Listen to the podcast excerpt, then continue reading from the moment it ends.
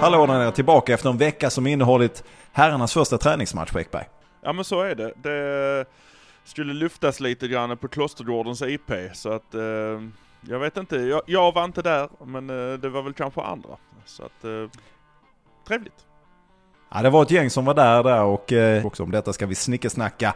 Men innan vi gör det så ta med er att det finns så många som kan så mycket mer om fotboll än oss två. Men vi har en fördel som aldrig sviker oss oavsett väder och vind. Nej, och mycket vind är det i den fördelen för att fördelen det är ju att vi kommer från en stad som det blåser i var man än går, hur man än gör. Och det är ju det. Vi är från Malmö. Nu kör vi det.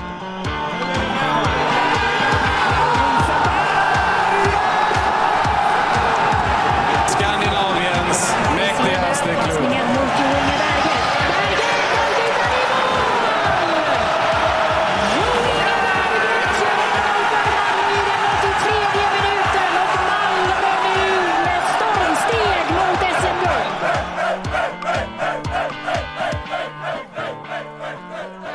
Vi kastar oss över det som skedde då på Klostergårdens IP. 822 stycken fräsiga hade tagit sig dit för att titta på detta. Jag vet inte om det var biljetter och så vidare och sådär. Men det var lite sol och så var det säkert lite vind också i detta här.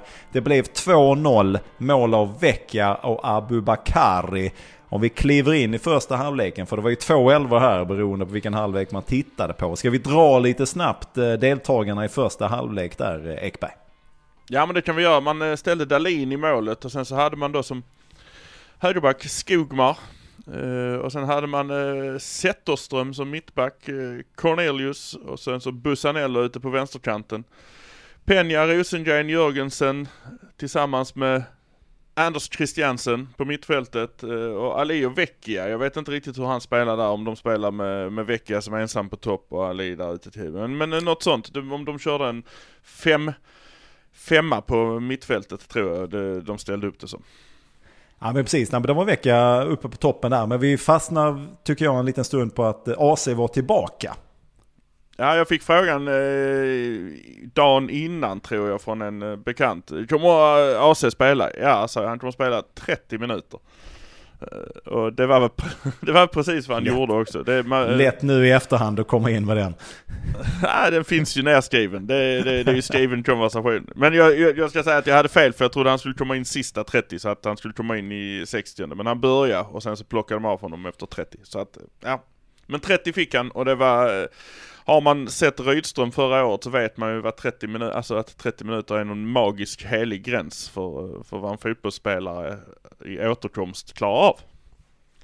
Ja, han är ju inne nu i den här sista upptrappningsfasen, ska väl gå in i helt liksom stabsläge, vad vi nu ska kalla det, nu när, när de drar iväg till Spanien här. Men han är ju fortfarande i den här sista upptakten, så att 30 minuter känns väl alldeles rimligt. Och det var en fröjd att se och det är väl som Rydström också varit inne på när han har tittat på träningar som Anders Christiansen nu varit med på efter det som skedde i somras. Att, eh, vi, alltså, vilken kvalitet han besitter. Det var ju det man såg här också. Det är så lätt som vi har gjort flera gånger i den här podden. Vi har kunnat gnälla på Anders Christiansen. Alla har kunnat gnälla på Anders Christiansen. Men nu efter att då ha varit utan honom i ett halvår och när han då kommer tillbaka så ser man vilken jäkla kvalitet, vilken skillnad han gör. Den frenesin som han och Ali hade på vänsterkanten då såklart det var ju någonting som, ja men det är som, man har inte förstått att man har saknat det förrän man sett det. Nej, precis. Uh, uh, ja, han är ju en klassspelare. Han har ju räknats som allsvenskans bästa så att det ska väl, det ska väl sitta där också. Och, uh, jag vet alltså man vet ju inte riktigt hur han har tränat heller. Det har ju varit liksom en belastningsfråga för honom så att mm, han, har nog, han har nog hållit uppe eh, mycket ändå. Trots, eh, trots skada, trots frånvaro. Det är ju inte ett knä liksom. Han har inget han har inget kroppsligt som ska gå sönder heller om han tar i på det sättet utan det, det, är, det är liksom hjärtat som bara det sköter sig så, så är ju alla andra kroppsdelar hela. Det är liksom ingen höft som, är, som hoppar ur eller som sagt en fotled som blir jobbig eller Eh, det är ju inget problem med ett tillslag eller en känsla för att det är ju ingen, det är liksom ingen skada på någon del utan det är ju, det är ju en orkesgrej och en, eh, en, eh, en, hjärt, alltså, ja, en hjärtgrej. Och det, det, det tror jag inte sätter sig på samma sätt som om du har haft, säg att du har Eh, opererat knät. Att det har varit en Moisander eller en eh, nu Lewicki ska ha opererat knät. Att när du kommer tillbaka så blir du kanske lite jag kan inte slå bollen så, jag kan inte slå bollen så, nu, då gör det ont om jag, alltså så. Det har han ju inte, så att därför så är det också full fräs direkt liksom.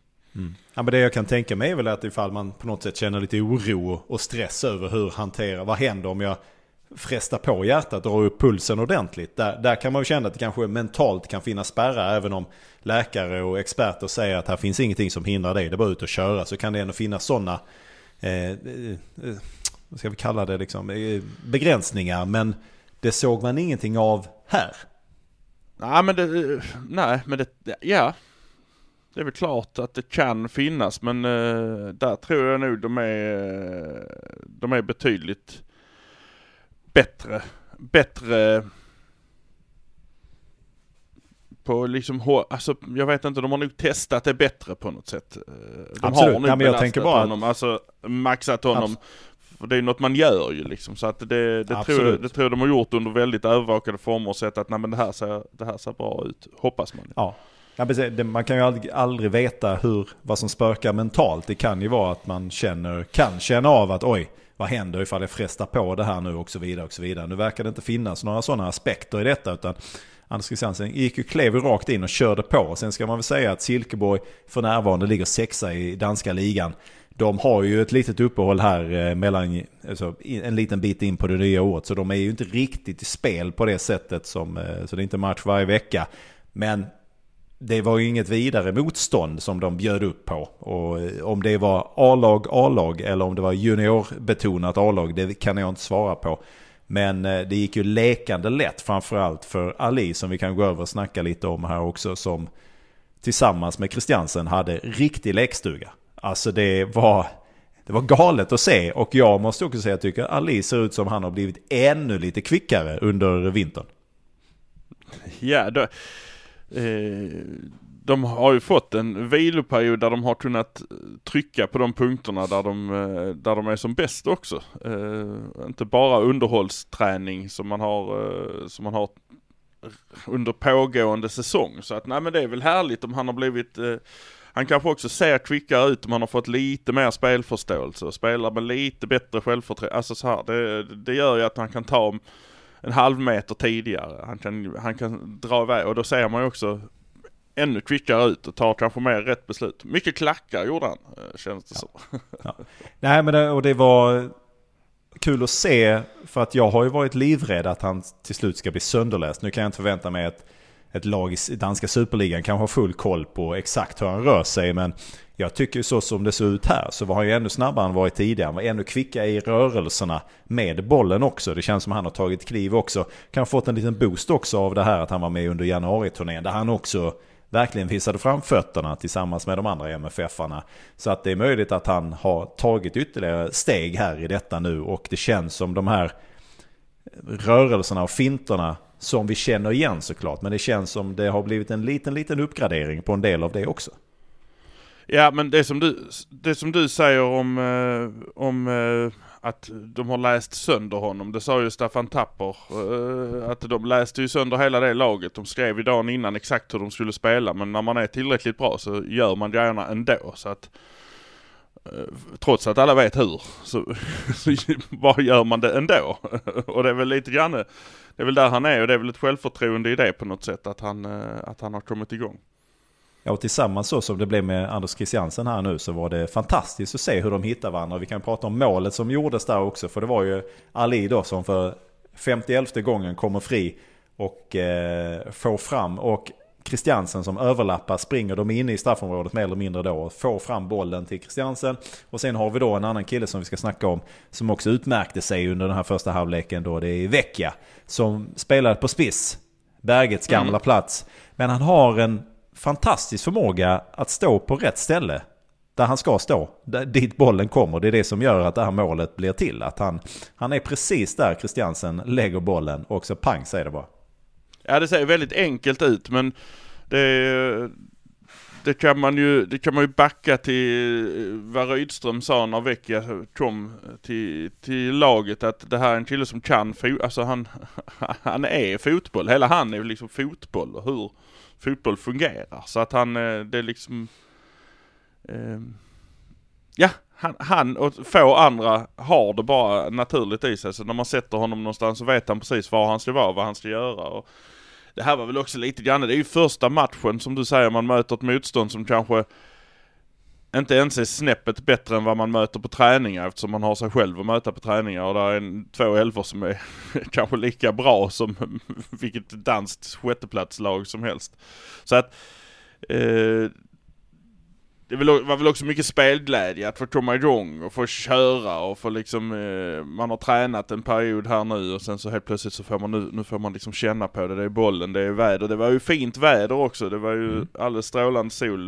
De blåa spelar idag då lös solen och det var ljusblå himmel. Så att Ja, jag kan väl tänka mig att de här som kan och som vill och som tycker det är roligt, eh, de sken upp extra i den här matchen på grund av alla omständigheter också. Ja, det var lite kul att se en del delar av publiken. I takt med att solen rörde på sig så rörde sig publiken liksom efter solen. För då var det inte så jäkla varmt och skönt i skuggan. Och jag tycker det är helt fantastiskt måste jag säga att kunna sitta hemma. Just nu är jag i Stockholm. Att sitta hemma och kolla på den här matchen på tv som då är sänds från Klostergårdens IP i Lund. Jag tycker den utvecklingen, det är bara att ställa sig upp och applådera. För det är fantastiskt att kunna vara del av detta på så sätt. Några andra som vi ska nämna här under första halvlek också, det är väl Zetterström tycker jag som eh, du var inne lite på som... Eh, alltså jag, jag har ju hört talas om den här, men det är inte pågen, men det är inte så länge jag har hört talas om den. Jag har läst lite, Fotbollsskåne har skrivit lite, man har hört lite om att det här är en framtid, ett framtidsnamn och så vidare och så vidare. Jag har fortfarande lite oklart för mig exakt hur gammal han är, men jag förstår att han är ganska ung här. Och eh, han visar ju upp en enorm trygghet och ett enormt lugn. För en del av spelet i första halvlek kunde man ju se det som vi pratade om och fick se mycket av förra året och har fått se tidigare också. Den här överspelningen. Risken för att bli överspelad för att man är så långt uppe på motståndarens planhalva så är det en stackare eller kanske två kvar. Men det kan gå ganska snabbt när eh, kontringen väl sätter igång. Och han hamnar i ett par sådana positioner och löser det lugnt och stilla. Liksom. Sen är det en annan fråga vid ett annat motstånd. Men han, i den här situationen mot Sidcowboy så löste han i stort sett alla situationer. Men enorm, enorm trygghet och ett enormt lugn. Ja, jag, jag såg något klipp på honom där han gick förbi ute på vänsterkanten. Jag vet inte, jag, jag förstod inte riktigt. Eh, för att han gick förbi ett par spelare och det, det, det kom som ett klipp på MFFs officiella där de hylla det där lite grann. Jag, jag, får titta på det igen och se om det är någonting jag missar där som, eh, som gör att det, det, det var extraordinärt. Det blev liksom ingenting av det, men han gick förbi två killar och slog, iväg, slog in bollen liksom. Så att, eh, mm, det, men det är spännande, spännande. Det är, ja som sagt det är en spelare som det har skrivits om och kommer skrivas om väl och sen får man väl kanske, jag vet inte vad förra årets försäsong har lärt den eh, svenska journalistkåren eh, som de trodde de hade tagit lärdom av säsongen innan. Eh, för att man vill ju, det, det, har, det blev ju väldigt tydligt förra året att man ville ha en av de här unga eh, nya spelarna och lyfta upp för att det skulle vara en ny Hugo Larsson. Eh, man ville inte missa den bollen som man kanske gjorde lite grann med Hugo Larsson. Han var med och alla sa ja det var ju kul att du var med och sånt och sen så går han iväg och blir liksom nästan, eh, nästan en av Sveriges bästa spelare eh, hyllas över hela världen. Förra året så känns det som att man ville inte missa den bollen. Eh, så många högg på Hugo Bolin som, alltså så här, och var väldigt Hugo Bolin, Hugo Bolin, Hugo Bolin, Hugo Bolin. Eh, vi pratade också med Hugo Bolin, kanske lite efter det hade lugnat ner sig lite grann. ja, vi vill också, vill också vara tydlig med att jag var tidig idag i den båten och sa att ja men vänta lite, lugna er nu lite, låt nu Hugo få tid på sig att utvecklas i det tysta. Skriv inte upp honom nu här som man också gjorde med Nanasi. Och det kanske var det som var grejen då, att det året när man skrev om Nanasi så glömde man bort Hugo Larsson och så blev det Nanasi-båten man satte sig i istället. Så att jag, jag var tidig med att eh, ta det lugnt nu här och så vidare. Vi ska prata om Hugo Bolin här lite längre fram för herregud vilken match han gjorde. Men, eh, nej, men det ska bli intressant att se var Zetterström tar vägen här. Jag kan ju hoppas, hoppas att han är en sån då som får hoppa in och få lite chanser här nu. Så att det inte blir ett, eh, en Noah Eile-grej av alltihopa. Nej, och att han inte blir pressad heller så att eh, så att han liksom tappar, tappar modet lite grann. Utan, eh, nej, eh, hoppas han kan få en lugn och en, och en vanlig ordentlig in, inskolning i laget. Och två andra som man kan nämna också i första halvlek. Det var Peña då som ja, men visade upp framspelsfoten får man väl ändå säga. Han eh, hade ju ett par passningar som satt både till Ali och till några andra där på planen som han, ja precis, mer av detta vill vi se. Och det gick så jäkla snabbt också. Han, bara, han står still med bollen, pang säger det, och så ligger bollen på foten hos en annan spelare så är man 20 meter upp i planen plötsligt. Och Busanello som eh, verkligen verkar ha vilat under eh, ledigheten. För gud vilken energi. Han var över hela banan. Hela tiden. Han var överallt. Var, hur de än filmade så kom eh, Busanello springande i bild. Det är bra. det är bra. Så länge han gjorde sitt jobb eh, på vänsterbackplatsen så, så är jag nöjd. Ja, men det, var, det var en stabil första halvlek och det var kul att se. Det var ju, Rydström var inne på det efter hela matchen också, men även i första halvlek att man kunde ändå se struktur. Han sa ju att sådana här första, årets första matcher kan ju vara riktig skit. Men här tyckte han ändå att han kunde se struktur och, och eh, en del av det som de har pratat om eh, på träningarna. Så att det är kul att se och jag håller helt med. Alltså man har ju sett en del av sådana här första matcher som där ingenting, man förstår inte hur är det möjligt att de kan vara så här bra i november och så här kisskassa i januari. Det är omöjligt att få ihop. Men här fanns det, här börjar man på en högre startnivå. Mm, nej men det är ju det är väl det, man, det är väl det som ska vara grejen också. Att nu, får han, nu har han fått ha dem över en, hel, över en hel linje liksom. Så att han visste redan när de slutade i december vad som skulle jobbas på tills, eh, tills nu. Så att, mm. nej, äh, det hade han ju inte förra året i Rydström. Så att, mm, det, det, är väl, det är väl i år de ska briljera. Jag vet inte. Ta SM-guld gjorde de förra året så att det är väl bara att ta det igen.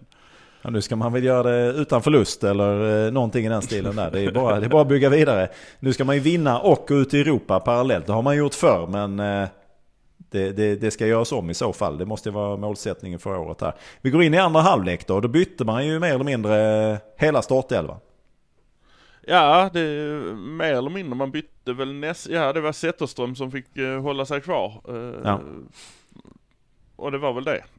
ja, det är, hans, han, var, han är den enda som spelar hela, hela matchen. Annars var det ju Mattias Nilsson i mål, eh, Pontus Jansson trillade in, Moisander trillade också in, Zetterström då, Macaulay, Berg Jonsen som då i gammal Lewicki-position, Nanasi, Bolin, Lokili, Telin och Abu Bakari.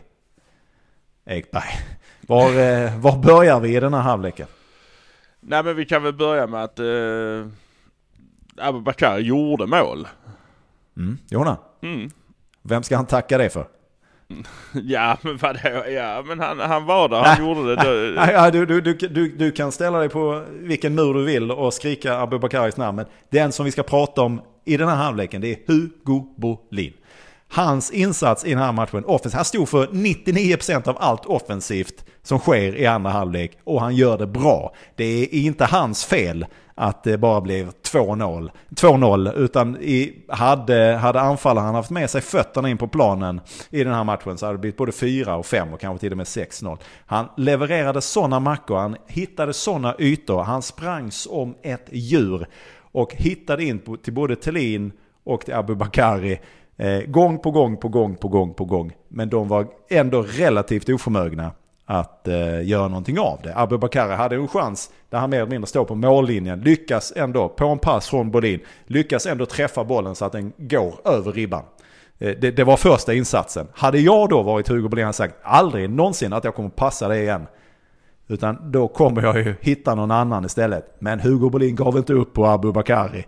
Och efter 12 försök så löste det sig då äntligen. Då, då råkade han ju mer eller mindre få bollen på knät så att den trillade in. Va? Så att Hugo Berlin är det stora, stora utropstecknet i den här matchen. Och jag hoppas andra har sett det här också. För att komma in på det sätt som han gjorde. Det var som när vi, det var Degerfors som han mötte då innan han sen blev utlånad till Degerfors. Så såg vi honom på stadion mot Degerfors. Och då fick han ju till nästan allt utom att han gjorde mål. Den frenesin hade han. Men han hade också en annan skärpa med sig nu. Han fick in bollarna på ett helt annat sätt. Sen så kan man då hålla, hålla Silkeborgs motstånd för vad det är. Men han var ju absolut eh, hela en trepenge nästan. Ja, ja, jag, jag säger inte emot dig och jag eh, hoppas väl vi får se från kommande träningsmatcher också att det, det håller i sig liksom. För att det, är ju självklart också att han går in och eh, satsar allt på blått Ja. istället för rött där han har varit utlånad Ja, till. Så att, men- eh, nej men alltså, nej men på, han har ju, han vill ju bevisa också. Eh, De andra, Absolut. många andra har ju inte så mycket att bevisa. En Taha Ali har ju inte så mycket att bevisa egentligen. Verkligen De inte. spela för det är skoj bara. eh, Verkligen. Typ. Verkligen. Att, Men eh, i, i, i, i, i sammanhang med Abu Bakari, de har ju precis lika mycket att bevisa. Det kanske till och med Hugo Berlin har lite mindre att bevisa än vad Abu Bakari har. Så ser man ju då att under de förutsättningarna så levererar Bolin. Abu Bakari levererar absolut inte. Han får det här målet, ja absolut. Men herregud, det är mer att han råkar stå där eh, än någonting annat. Det är mer att Hugo Berlin lyckas sikta in honom än att det är hans eh, mål. För han, sumpade precis samma chans då eh, 30 minuter innan. Men vi kan prata om Abu Bakari här också, men vi, ja, det är lika bra vi gör det nu. Men här, för Ve- att det- Vecchia fick ju en likadan pass av AC. Ja, fast... Men, men, jag- men jag- Vecchia var ett, fo- ett fot- fotbollsgeni. Ja, men det är, läge. det är någonting, det är någonting som skiljer sådär. Jag tycker du ska ta och titta på de här sekvenserna. Ja, jag, jag ser... så, så kommer du förstå vad jag menar. För att Abubakari har, får ett, för, ett likadant läge i början av andra halvlek. Då vet han inte, då, då är det... Det är ju det här som är det stora problemet tycker jag med Abubakari. Vi har ju sett honom, vi har pratat om honom. Vi tycker att han har ju allt det där. Förutom det där sista. Det är precis som alla pusselbitarna ligger där. Och de sitter ihop till 98%. Sen är det två bitar som man har slagit i, som inte ska sitta där de sitter. Men de har man liksom bankat ner dem. Och så är det nästan klart. Och det är Abu Bakari. Vi såg ju honom då innan han började sin utlåningskarusell och tyckte ja men det är ju något. Det är ju en jäkla kraft, en jäkla fart. Och så är det de här små detaljerna att så fort han då får en passning eller någonting, ja men då träffar den fel på foten som gör att den sticker tre meter åt ett annat håll. Och då måste han rädda upp situationen istället och så är chansen då till ett eventuell kontring eller till en eventuell målchans, då är den borta. För att då har han, behö- då har han behövt eh, rädda upp en situation som han har satt sig. Han har en passning, eller vad vi ska kalla det, till Thelin som är, ja men Thelin är några meter bort. De är i närheten av straffområdet. Han drar till den bollen så att den flyger ut över långlinjen. Alltså det, det är det här att det finns ingen ingen eh, konsekvens att om jag tar i för fullt så kanske bollen drar iväg. Utan då bara lappar han till det så den lämnar klostergården mer eller mindre. Och det, det är precis de här små detaljerna som man, va? Du, du hamnar i de här situationerna och det gör du jättebra. Men sen så sen har du inte en aning om hur du ska göra nästa grej. Och det, det har inte skett någon som helst utveckling under... Han är, han är precis det han var när han lämnade MFF för att åka runt då till Finland och, och om det var i tjeckiska ligan eller slovenska ligan, det kommer jag inte ihåg. Och, och då lyft bucklor. Men han har inte utvecklats för fem öre. Nej, nej. Jag tycker det är så fascinerande att, att och det finns ju begränsningar såklart. Och jag fattar att det går väl fortare kanske då i allsvenskan än vad det gör i, i finska ligan. Jag bara säger ni, ni får bli sura om ni vill ifall ni har full koll på finska ligan. Jag bara tror det. Och då kanske det funkar lite bättre. Han har gjort mål där. Han gjorde ju mål i den här matchen också. Men det är fan med Bolins eh, insats. Och det är precis som att det är klart att Vecchia kan ju stå där han står.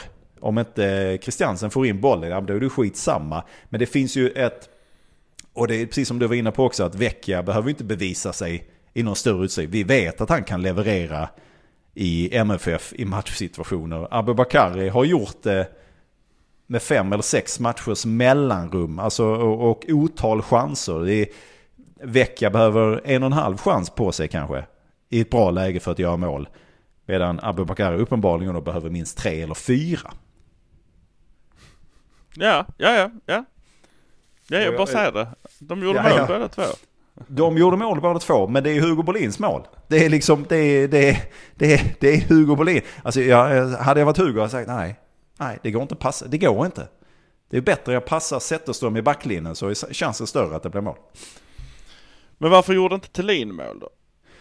Eh, ja det är en bra fråga. Thelin hade inte heller riktigt, det ser man ju, utan han är ju inte i, i form. Sen så är det precis som du säger, men han behöver inte bevisa sig. Jag, jag förväntar mig inte se så mycket av honom här och nu. Jag förväntar mig att se någonting sen när de kommer tillbaka när kuppspelet börjar. Det är då han ska vara ifrån. Han gjorde 16 mål förra året. Gjort en massa mål tidigare i MFF. Ja men man vet. Man vet vad han kommer med och man vet vad han kan. Det är Abu Bakari om någon som behöver bevisa sig för att han ska få en fortsatt chans framåt. Efter den här insatsen så är jag ju extremt tveksam till om han kommer få det. Nu har den här listan kommit över vilka som får åka med på det här lägret i Spanien. Och det finns en spelare av de som stod på planen här nu i torsdag som inte får följa med. Och vem tror du det är? Ja det är väl Abu Bakari. Precis. Så att jag är inte ensam om att se det jag ser här. Utan det finns ju då finns en eh, kille från Kalmartrakten som eh, ser ungefär detsamma. Och jag tycker det är tråkigt. Vi har ju pratat om detta. Jag hade önskat att han kunde lyckas. För då hade vi kanske inte behövt plocka in en anfallare till.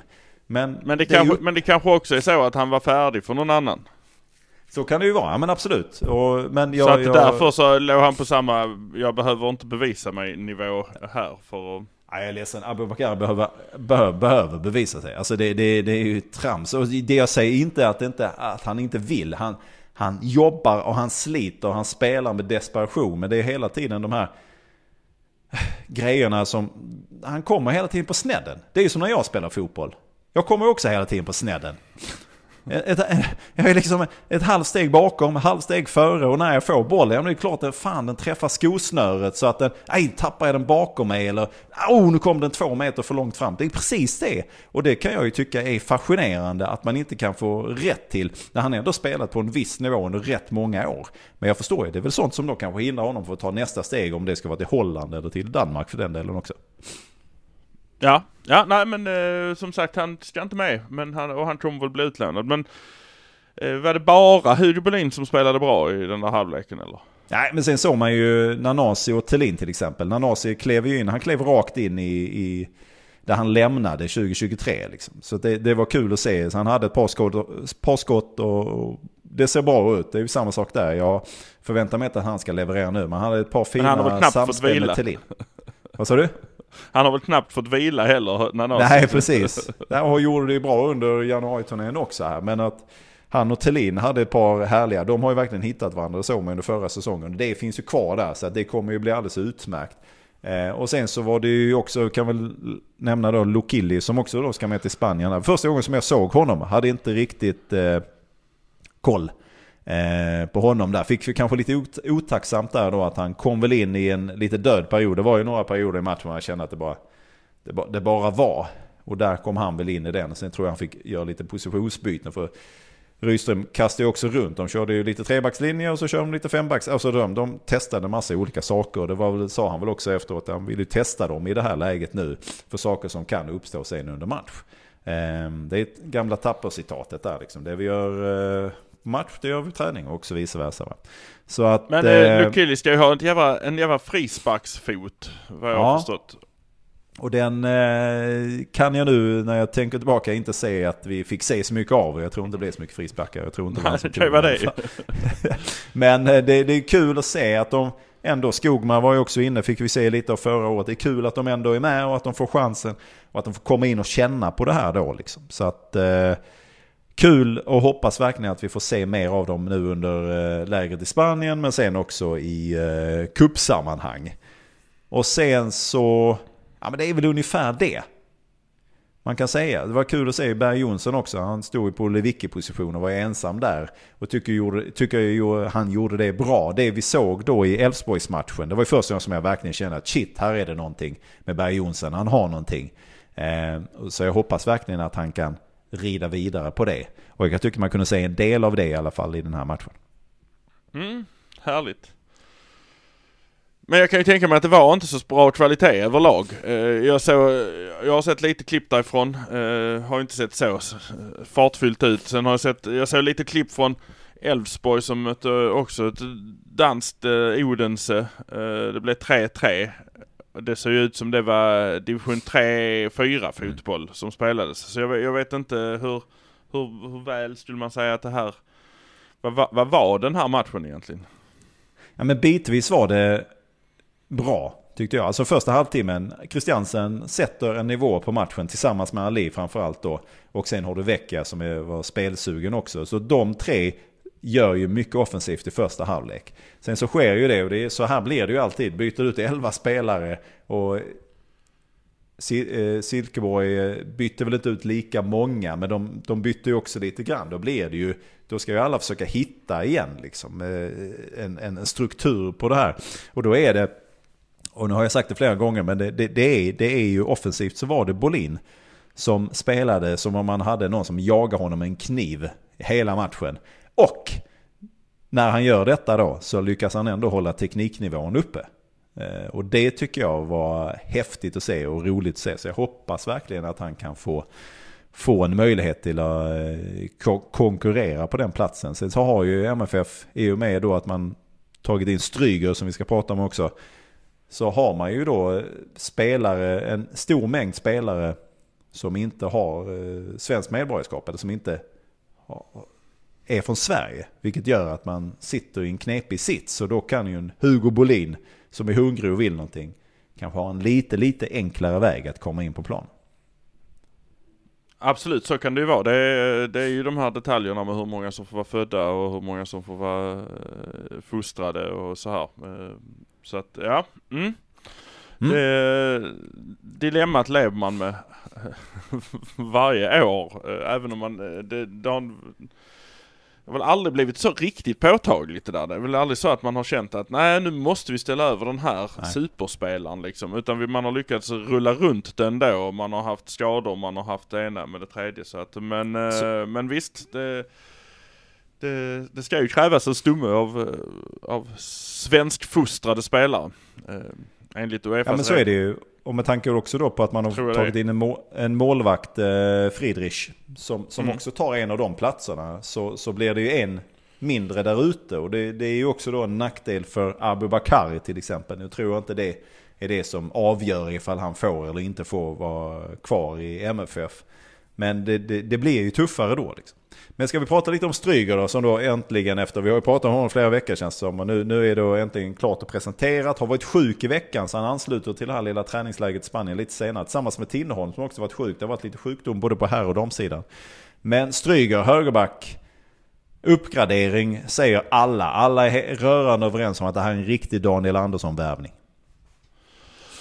Uh, ja, fast jag tror ju fortfarande en hel Tinnerholm är nummer ett och han är nummer två därefter. Så att, eh, men visst, det, det räknas ju som det. Eh, ja, samtidigt också många som, som jag tycker jag hör säger andra spektrat att han har ju inte varit så, han har ju inte gjort så bra ifrån sig där. Han gör ju inte det och han är inte så supervass på den där biten och eh, ja, men han ska väl passa in i spelsystemet och det är väl nästan det viktigaste att man inte tittar på vad han har gjort innan, hur hans spider har sett ut innan. Där har han ju en utstickande spets som är passningsspelet och det är väl det som han är där för att göra i Rydströms lilla system. Att man passar sig ur situationen. Ja men precis, Nej, man har väl inte eh, gjort så många matcher nu från Trapsonsborg eh, senaste här. Så att han har ju också en eh, landslagsplats att försvara och Danmark till skillnad från Sverige spelar väl EM då i sommar här. Så att eh, det är väl lite sådana incitament som gör att han kanske då kommer hit också. Eh, men ja, eh, det, känns, det känns ju som en uppgradering oavsett. Liksom. Det är en position som har ja, men, efter, varit lite eftersläntrande de senaste åren. Ja, eh, från att ha haft fullt där ute med mm. Erik Larsson och med... Felix. Ja precis, Beijmo och så var det helt plötsligt tunt och vi fick sätta ner någon som jag trodde var köpt för att vara eh, högerytter uh, Ceesay som blev back helt plötsligt och uh, Tinnerholm skulle komma tillbaka och det var, det, han hade lite oflyt men ljumske och ja, det, det gick från att vara fullbelamrat där till att det blev väldigt svagt på något sätt. Eller ömtåligt. Och det kan ju svänga väldigt fort där. Vi har sett samma sak på andra backpositionen på vänsterkanten där. Där det också fanns ja, men Knudan, eh, evighetsmaskinen och så vidare. Och så vidare. Sen plötsligt så är det tomt och lite kaos och kris där också. Att Moisander får flytta ut ibland. Och, och Olsson och så vidare och så vidare. Eh, men, men, så det kan ju svänga väldigt fort. Men nu känns det i alla fall som att om nu inte Stryger går sönder här. För det, det är min enda sån här farhaga. Ah, det är ju klart att han kommer att dra på sig en jävla knäskada. För han är väl, utan att jag har hans eh, siffror rakt i huvudet här, men han är ju en liten bit över 30 här. Så att eh, det, det, är min enda oro. Och sen är det lång försäsong och så är det konstgräs och skit och så vidare. och så vidare. Så att det är väl det som jag eh, oroar mig lite för. Men förhoppningsvis så håller han ju sig hel här nu också. Förhoppningsvis kan vi då få tillbaka Tinnerholm. Sen är jag ju osäker på hur många matcher Tinnerholm kommer att kunna spela och hur hårt han kommer att kunna matchas. Men det känns ju fantastiskt stabilt att ha två spelare av den kalibern på den positionen när man sen går in då både i ett kuppspel och sen då en allsvenska och sen så kommer det ett Europakval utan på det. Ja, ja, ja det känns, det, jag tycker inte det är fel att man har väldigt bra spelare. Eh, det kan man ju titta på vår målvaktssituation. Nu, nu såldes eh, den här Vladimarsson, nej Valdimarsson från Elfsborg till Brentford. Så nu, nu kan man ju utan omsvep säga att eh, Malmö FF har allsvenskans två bästa spelare. Enligt alla parametrar och så här så, så är det det vi har nu. Det är ingen som utmanar dem just nu. Eh, det skulle vara en annan Zetterström, nu har vi pratat om en i Malmö, men eh, som står i Djurgården och tillsammans med AIKs nya målvakt.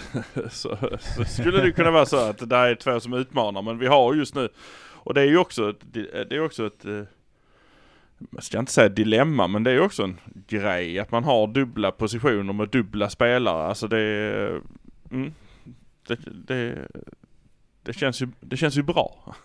ja, och det kommer ju behövas också för det blir ju ett betydligt tuffare matchande i år än vad det blev förra säsongen när man egentligen bara, visst man hade kuppen en liten bit att bry sig om och sen så var det ju bara allsvenskan. Så det var nästan så att det var för få matcher egentligen då ju för att truppen skulle kunna hållas eh, i trim och i skick. Men nu kommer det bli desto mer. Så att, men vi kan väl gå över då till bara en liten fråga här för att nu börjar ju snart transferfönsterna stänga. Det svenska fönstret är ju öppet ett tag till. Men eh, en del av de lite större fönstren börjar ju stänga här nu i månadsskiftet januari-februari. Och det är ju oerhört tyst. Både på in och utsidan. Insidan är vi vana vid att det är tyst. Men utsidan kan man ju ändå få lite rykten om att den och den nu är på väg här. Men det händer ju nästan ingenting vad det rör Nanasi eller Penny eller Cornelius eller Bussanello. Nej. nej. det, det är jäkligt uh, tyst. Uh, jag vet inte om det har tajtats till ännu mer uh, än vad, än vad Ja, alltså jag, jag, vet inte om det har tajtats till ännu mer för den här säsongen eller om det bara är att intresset inte, alltså det är svårt att säga. Daniel Andersson har ju varit uh, mer öppen och pratig och det kan ju ha sin betydelse i att han har tajtat till det på andra håll kanske. Eh, jag, jag, vet inte. Nej, och överlag, tittar man på transferfönstret överlag så har det inte varit så mycket transfers inom varken den engelska eller de eh, spanska ligorna. Det, det känns som man är lite mer återhållsam överlag. Och det är klart att spelare från Sverige, ja, då, då är det kanske inte lika intressant ifall det inte är oerhört specifik spelare som man är ute efter. Men eh, vi satt ju här i november och tänkte herregud, det är ju en halv startelva som kan försvinna till nästa säsong och just nu är ju alla kvar. Ja, men um, ja, det är ju, det är som sagt, det är ju tid kvar. Förra året satt vi och spekulerade i när Hugo Larsson skulle gå. Han hade fått monsterbud och han hade men uh, sen kom vi till det här lägret och sen så sades det bara nej.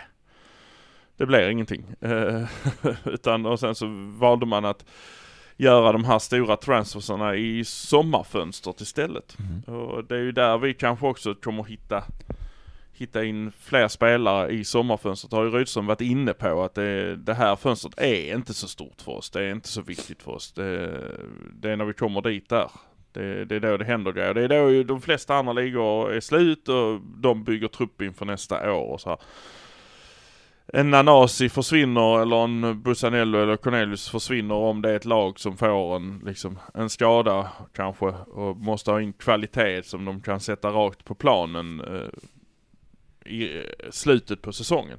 Eh, och det är, det är liksom inte en så stor marknad tror jag. Men tror du utifrån allt den, all den information du har i detta nu, tror du att det är någon som kommer lämna innan, ska vi säga då, kuppsäsongen drar igång? Ja det skulle vara Nanasi. Um, ehm, men det är ingenting jag baserade på mer än en känsla. Uh, samlade små, uh, små eh, spikar här och där som man liksom så här, vänta lite grann. Ehm, det kan vara, men eh, annars så tror jag vi har intakt.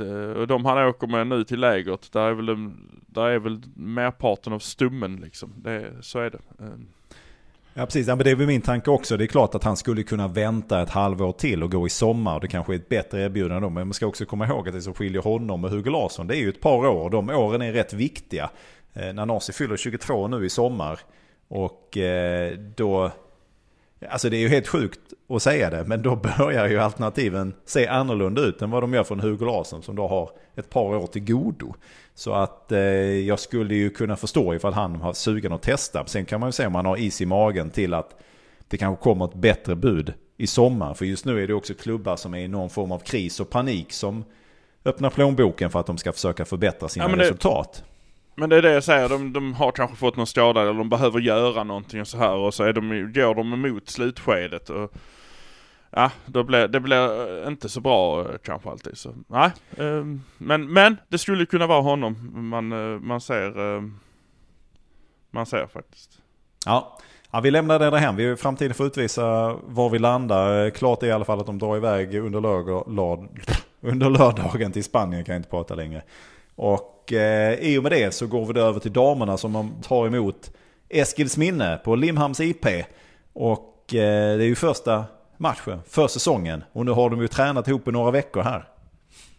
Ja precis, han, eh, första träningen var verkligen första gången han hade alla samlade framför sig. Eh, så att eh, jag vet inte hur långt de ska ha, hur långt de kan ha kommit i det där. Eh, men det är ju en stumme kvar, det är spelare som eh, jag var inne och tittade, man har liksom förstärkt upp, man har lyft upp lite, man har tagit hem lite, man har eh, tagit en del rutin från damallsvenskan och satt ner sig. Jag tror inte det är några problem att de kan spela fotboll de här. eh, Och eh, jag tror man, man bygger på Ja, det blir spännande att se hur han, hur han vill spela fotboll. För Maxim som hade dem förra året vill ju gärna spela eh, ganska likt Rydström. Alltså inte för att han tittar på Rydström men alltså deras tankar var ganska lika i hur man, hur man byggde upp spelet. Och det ska bli intressant om de fortsätter på den linjen eller om, eller det blir något nytt sätt att spela fotboll.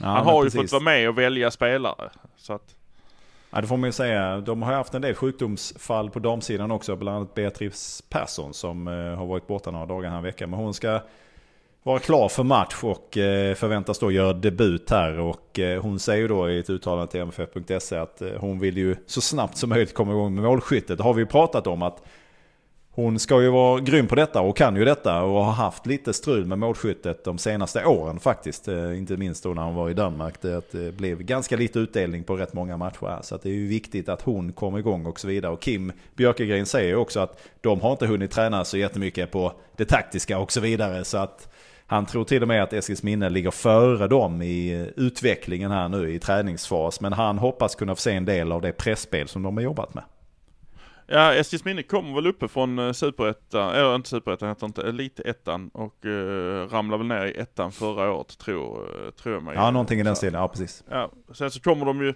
detta blir väl det sämsta eh, motståndet de kommer möta här på försäsongen. Det kommer vara mycket, eh, mycket damallsvenskt och lite danskt och så här som de eh, kommer få stöta på. Så att, ja, vi får, vi får hoppas de, de hittar något spel här under dagen som, eh, som glädjer och värmer. Ja men precis, eh, kul om det kommer dit lite folk eh, också och kollar på detta såklart. Det blir klart då under fredagen också att Emily Borg, målvakten, återvänder till MFF. Gick i höstas då till Macclesfields FC Academy i Manchester. Men har nu återvänt till MFF och hon tyckte det var kul att vara tillbaka sa hon i ett uttalande. Ja, det är härligt. Eh, Då har vi tre målvakter. Julia Kavander eh, och- också som eh, är väl i samma ålder som Emily Borg som jag fattade. Eh, Så, Så kan ja, det vara. mm. Ja, ja, så vi får väl se om vi får behålla dem eller det är någon som ska till Trelleborg kanske. Ja precis, ja, men det, det är ju sam, samma sak här. Att här, här kommer ju spelare fram och tillbaka och så, så vidare. Och det här har man ju... Här, här, här, här finns ju så många andra parametrar som avgör. Det handlar inte bara om, verkligen inte vem som betalar mest eller sådär, utan det handlar om så mycket annan logistik som ska gå ihop med detta för att skillnaderna är så stora på herr och damsidan. Så att eh, nej, men det blir intressant att följa det här och, och eh, man kan väl se detta på eh, MFF Play och Premium Play eller vad de nu heter eh, där också. Eh, jag älskar dock, eh, Kim Björke gjorde ett uttalande på mff.se också. Jag tror det blir bra. Det här blir något att bita i så att det inte blir någon räkmackematch. Ja, det gillar inställningen. gillar inställningen. Ja, precis. Man ska ha något att bita i, inte bara, inte bara det göttiga. Men jag hörde, jag, jag pratade med en vars syster spelar i det som förra året var akademilaget. Mm. Som började om i fyran precis som, som A-laget för damerna gjorde. Nu har det ju hänt eftersom, vi, eftersom damlaget har gått upp i elitettan så är inte akademilaget samma lag längre. De finns kvar. Men nu har de ju gått upp till att bli F19 i en nationell serie istället. Mm. Och så det som nu är akademilaget är ju de som var ett snäpp under det. Och då sa den här personen att systern hade sagt, hade de mötts förra året, akademilaget och A-laget, så hade de nog stått sig jämnt. Mm. så att det som kommer underifrån är man ju jävligt nyfiken på att se. De som nu är F19-laget som ska upp och härja liksom på, på elitnivå också. Det, det är ju det här, det är ju där, det är ju där, det är ju det vi pratar om. Det är de här det är där pengarna ligger. Det är där styrkan för Malmö FF ligger. Att man har tagit sig hit, ja, det har man gjort. Men det är ju det, det underbyggande. Men det är inte så att när det, när det spricker så bara och så ramlar man ner. Där finns ingen som kommer tillbaka upp och där finns liksom ingen återväxt. Utan här har man ett helt lag som gick i division 4 jämfört med A-laget så gick de bättre det året de spelade. De vann med mer, de hade fler mål, alltså de var ett bättre lag än vad MFFs damer var när de var där. Så att det, det, finns ju, det tycker jag är spännande, att det finns ju en, utvecklings, en utvecklingspotential av det här laget som är otrolig. Ja, det kommer bli spännande och vi har två väldigt spännande säsonger framför oss både på herr och damsidan här. Så att det finns mycket att se fram emot och någonstans börjar man ändå ana nu när januari börjar gå mot februari. Februari är ju i mitt tycke den sista så här skitmånaden innan man börjar förstå att det finns ett ljus någonstans. Och vi börjar ju så smått närma oss nu här när det börjar både bli kuppspel och jag är så spänd på att hoppas verkligen man får till då att man får möta Öster på Eleda och så vidare och så vidare. Det hade varit fantastiskt att få lite fler matcher där inne. Och att damerna också kommer att kliva in och spela lite mer där inne också. Så att eh, vi har eh, en härlig säsong på båda hållen att se fram emot eh, som MFF-supportrar. Och eh, det ska bli oerhört spännande att se vart det här året tar vägen. Ja men verkligen, alltså jag... Eh, eh, Eh, eh, jag har inte känt peppen riktigt än för fotbollen, men uh, det börjar komma. Det, det börjar komma. Jag tycker det ligger, jag tycker de här träningsmatcherna, det är... Det, de har bättre ut att möta sig själv nästan känns det som. Så att, mm. jag tycker det känns lite så. Men visst, det är kul, man får komma igång och man får köra. Och man ser ju andra lag som inte lyckas i sina uh, träningsmatcher som uh, var de är. Ja, nej, det, det, det, känns, det känns som att det ligger i luften nu. Nu, nu börjar det dra igång. Eh, som du säger, cupmatcherna, det betyder någonting. Jag vill att det ska mm. betyda någonting nu. Mm. Var det för länge ja, sedan det betydde någonting? Ja men verkligen. Och, en, och att ta sig långt och kanske det du vinna Svenska Cupen. Det är en titel det också. Sen så ja, behöver, ja, Vi inte, behöver vi inte dra några slutsatser av vad som hände när man vann kuppen senast. Utan det kan vi lämna där här och så går vi bara framåt. Men du, eh, det var väl det ungefär. Vi ska ta en liten kik i maratontabellen. Ja men där ligger ju fortfarande på tredje plats eh, AIK och eh, på andra plats ligger IFK Göteborg säger jag då för förtydligandet. Det finns ju några IFK runt om i landet, kamratklubbar. Eh, men sen så är det ett hopp däremellan som eh, eh giant leap for mankind skulle man kunna säga. Men det är liksom, eh, det är otrolig, otrolig eh, Jag såg här förresten, på tal om AIK som ligger trea. Eh, det dundras ut nu eftersom allsvenskan fyller 100 år, så dundrades på stort med mm. en, ett inlägg på Discovery att Uh, att AIK, flest säsonger i Allsvenskan, de hade typ, av de här 100 hade de varit uppe 96 säsonger. Oj. Och då tänkte jag bara, Siri visa mig definitionen på ett deltagarlag. De har alltså vunnit allsvenskan sex gånger på de 96 försöken. Uh, Malmö har inte varit där så många gånger men de har ju vunnit den så många gånger fler. Så att det, var, det var bara en tanke som slog mig. De ligger trea i alla fall i maratontabellen, det, det får man väl ge dem. De har ju varit med länge och samlat poäng.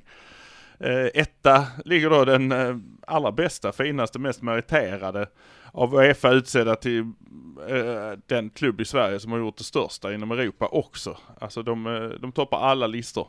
Och det är Sveriges vackraste och finaste fotbollsförening. Malmö fotbollsförening. Utan S i Ja. Ja, vi är glada att kunna säga att vi tillhör den föreningen. Vi har haft en glädje, lång glädje får man säga nu, i decennier av glädje som vi har haft nu. Det var, det var också decennier av mörker. Men eh, nu är det härligt att vara på den ljusa, härliga sidan igen. här. Du, eh, tills vi hörs igen. Vi är tillbaka då, jag ska säga också det. Vi är tillbaka i början på veckan här nu då, så ska vi försöka trilla in. Det blir ju också så här att det, det händer ju inte så jäkla mycket. I, i, det, är ju, det är ju när de spelar matcher och grejer som det händer. Så då får vi försöka anpassa schemat efter det. Men vi ska försöka långsamt trilla in i den vanliga lunken att komma ut måndag, tisdag, onsdag där kring där. Men eh, tills vi hörs igen så sar vi så och så sar vi Hallå där nere! Música